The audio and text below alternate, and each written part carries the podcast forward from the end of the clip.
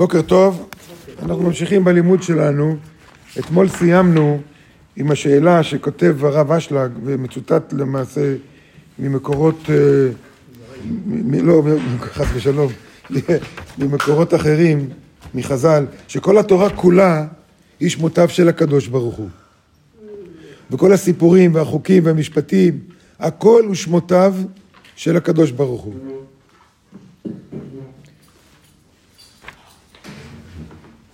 והרב אשלג בספר "ובחרת בחיים", בסעיף קל"ה, גם כן כותב כל התורה שמותיו של הקדוש ברוך הוא.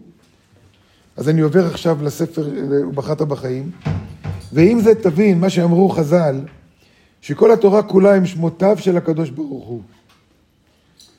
זה גם מופיע בזוהר הסולם, האזינו, סעיף רמ"א. שלכאורה הדבר תמוה, כי מצינו בתורה הרבה דברים גסים, כמו שמות של רשעים, פרעה ובלעם, ואיסור וטומאה וקללות.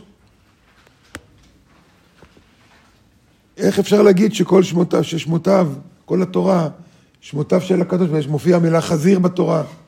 גם זה השם של הקדוש ברוך הוא. אומרים כן. אומרים, אם זה מופיע בתורה, כל התורה, כל התורה היא קדושה. למה היא קדושה? כי זה שמות של הקדוש ברוך הוא. איך אפשר להבין שכל אלה יהיו שמותיו של הקדוש ברוך הוא? ומסביר הרב אשלג שכל השמות הם כלים של שפע, כלים של שפע. לכן כל מה שמופיע בתורה, כל מה שמופיע בתורה, לא חשוב מה כתוב שם, הקללות האכזריות, הכל זה שפע רוחני שבא לעזור לנו בחיים. זה שפע אלוקי, שמות שמבחינתנו אנחנו יכולים להשיג אותם, למה הם מופיעים בתורה? ומה זה שם? עוד פעם, מה זה שם? כל מה שאפשר להשיג ולתפוס, יש לו שם. שמות של הבורא זה מה שמהבורא אני יכול לתפוס, מה שמהבורא אני יכול להשיג. אפשר לקרוא לזה ברכה. להשיג זה לא רק בשכל.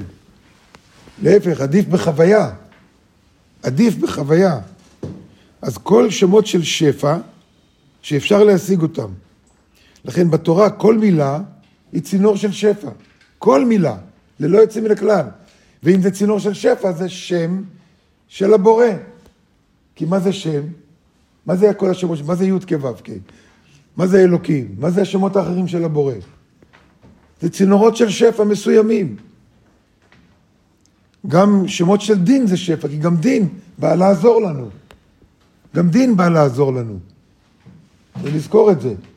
דין זה קו שמאל, קו שמאל זה מחזק את הרצון לקבל, אבל מכיוון שזה בא מהקדושה, יהיה לי דווקא יותר קל את הרצון לקבל הזה להפוך לרצון לתת, כי זה בא מהקדושה. אותו רצון לקבל בא מהשטן, זה יהפוך להיות רצון לקבל לעצמו. אם אוכלים חזיר, אז זה הופך להיות רצון לקבל לעצמו.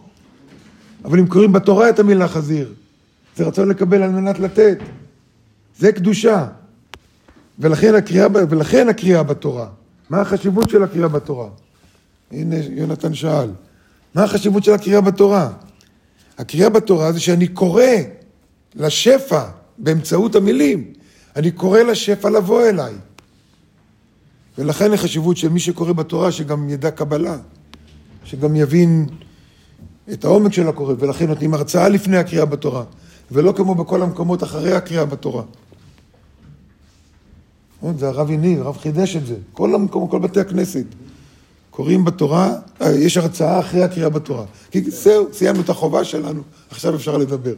אצלנו הפוך. אנחנו מבינים מה זה הקריאה בתורה, אני קורא, קורא לאנרגיה לבוא ולמלא אותי באור.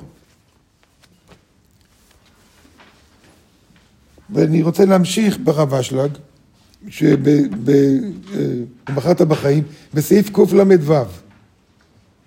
ולהבין זאת, צריכים לדע שלא דרכיו דרכנו, כמו שאומר את זה הנביא. הוא משתמש במילים של הנביא ישעיהו, אני חושב, או ירמיהו, לא זוכר אחד מהם. כי לא דרכי דרככם. ולא דרכי דרככם, זאת אומרת, ולא מחשבותיי מחשבותיכם. זאת אומרת שאתם במחשבה שלכם לא יכולים לתפוס את המחשבות שלי, רק מה שיצא מהמחשבות שלי.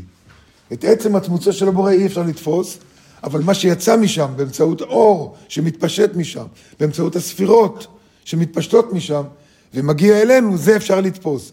וגם זה אין לזה גבול, יחסית. זאת אומרת, זה כמו שאתה שולח חללית לחלל, אצלנו קיימת השאלה, האם לחלל יש גבול? אולי יש לו איזה סוף באיזשהו מקום? לא, בינתיים שלחנו חלליות עם מצלמות משוכללות ולא הגיעו לסוף. לא רואים אותו, להפך, ככל שמתקדמים רואים עוד גלקסיות, עוד גלקסיות, עוד גלקסיות. מדוע? כי זה מה שמתפשט. אבל את, עצ... את העצמות עצמה, זה כמו שאת השמש, את עצמות השמש אי אפשר לבדוק, אי אפשר לשלוח לשם חללית, לבדוק, היא תישרף. אי אפשר להיכנס לתוך השמש ולהסתכל מה קורה שם. אין לנו תפיסה בזה. אין אפשרות, אפילו בגשמי יש דברים שאין לנו אפשרות לתפוס. על אחת כמה וכמה ברוחני. אז הוא אומר שלא מדר... לא דרכיו דרכנו, היות שמדרכנו הוא להגיע, ויש פה תפיסת עולם מאוד מאוד יפה, דרכנו להגיע מהבלתי מושלם אל השלמות. העולם שלנו פגום. אנחנו באנו לפה לתקן אותו. ולכן כל מה שאנחנו עושים כל הזמן זה מהבלתי מושלם למושלם. גם מי שבונה משהו. קודם זה לא היה, היה חסר, זה לא שלם. עכשיו אתה בונה משהו, יוצר משהו, כותב משהו, אתה עושה יותר ויותר שלמות. זה דרכנו. אבל מדרכו יתברך, באים לנו כל הגילויים הפוך, מהשלמות אל הבלתי שלם. הפוך. לכן אנחנו אף פעם לא נבין אותו. כי אנחנו לא שלמים, אף אחד לא מושלם, נכון, חוץ מחבר שלי, שאומר, פעם היה לי אגו גדול, היום אני מושלם. אבל חוץ מהחבר שלי הזה, אף אחד לא מושלם, ולכן האור שמגיע מהבורא הוא מגיע מהמושלם אל הבלתי מושלם. וכל מה שיש פה בעולם שלנו, שכולנו כל כך אוהבים אותו ורוצים להישאר בו, וחושבים שזה המטרה, מילא להישאר בו, יש פה תפקיד, אבל זה לא מטרה, העולם הזה הוא לא מטרה. חז"ל קראו לזה פרוזדור, שמוביל לחדר. העולם הזה הוא מקום של לעשות עבודה כדי להיכנס, לקבל כרטיס כניסה לתוך החדר, החדר שלה, כמו שכתוב בשיר השירים, הווה אני חדריו, שהבורא מביא אותנו לחדרים שלו. מהשלמות אל הבלתי מושלם, זה אצל הבורא. ופה נעצור לרגע ונמשיך מיד.